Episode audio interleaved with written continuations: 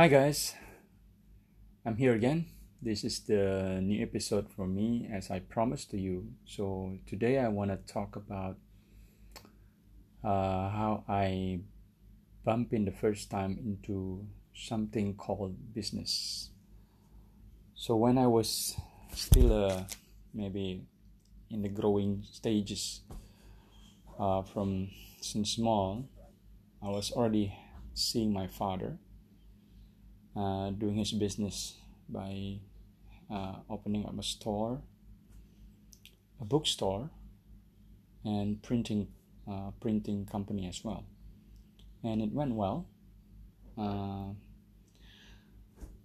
and it was traditionally operated by him as that time in 80s and 90s we still in the well operating operating by by traditionally. And the more i know about business the more i actually uh, a bit wonder. Because if i see in, when i was in the store uh, like become a cashier there i noticed that at least per day the bookstore will ma- will make around 1 million up to 2 million per day. So in simple calculation if let's say 2 million a day a day times 30 day means that there will be 60 million in the cash in the bank right? But what i found out is that my parents was having a short of money every month.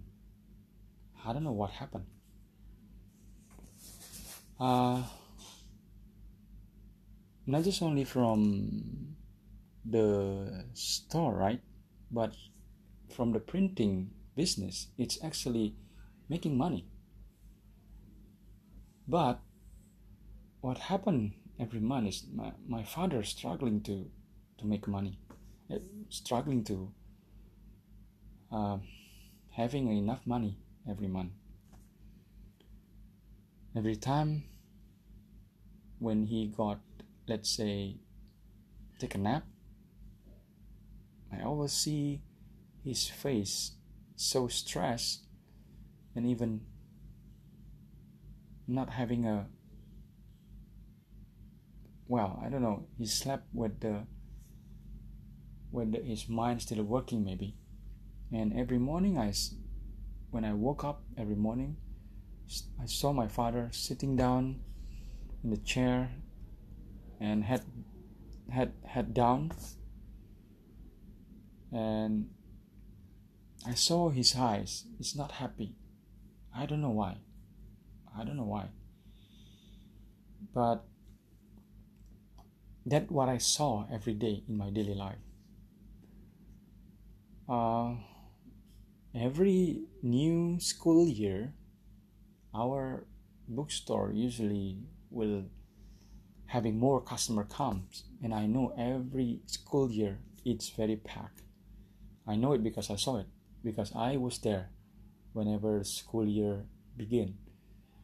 People will come up to my to our to my father's store and buying books and etc in which i assume my father can get every day about 5 million per day. His store is open up from 8 a.m. in the morning and closed down at 9 p.m. In the, in the night. So I assume it will be more, right? So let's say assume 5 times 30, it will be around 150, 150 right? But then what I discover, my father still short of money every month. And I don't know what happened.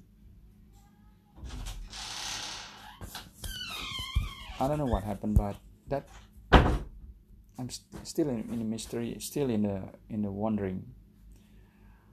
But at least I know that that's the first time I know about business in my life. Mm, I don't still understand about the, the mechanism of the business, how it business work, what's the uh, what is the component of the business, but that was the first time I know about business.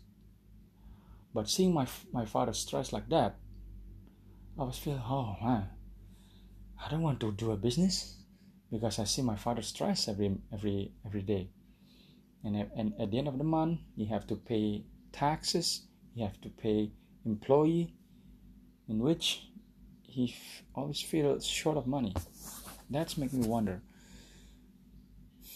But at the end, now, I was doing my own business. Well, uh, that's surprising. That's surprising thing that I do now. Mm, but later on, after I grow up and after I becoming like a business coach, then I can understand what component in a business and why why my parents is always short of money. There's something that not just only in technical aspect but also the uh, non-technical aspect that made my parents especially my father short of money but one thing i just remember that that i'm grateful for is my mother. My mother can save money. My mother are really good in managing money. So because of her we can save a lot of money. Uh, we can buy some precious metal and and then I still remember in 1998 when the crisis economic crisis hits my mother can buy a house in uh, Surabaya cash thanks to her so uh, I'm starting to find out and I'm starting to understand something else happened there but that will be something that I'm going to discuss in later episodes uh, that I'm going to share to share tomorrow. Okay, that's for now. Thank you all for listening. Bye bye.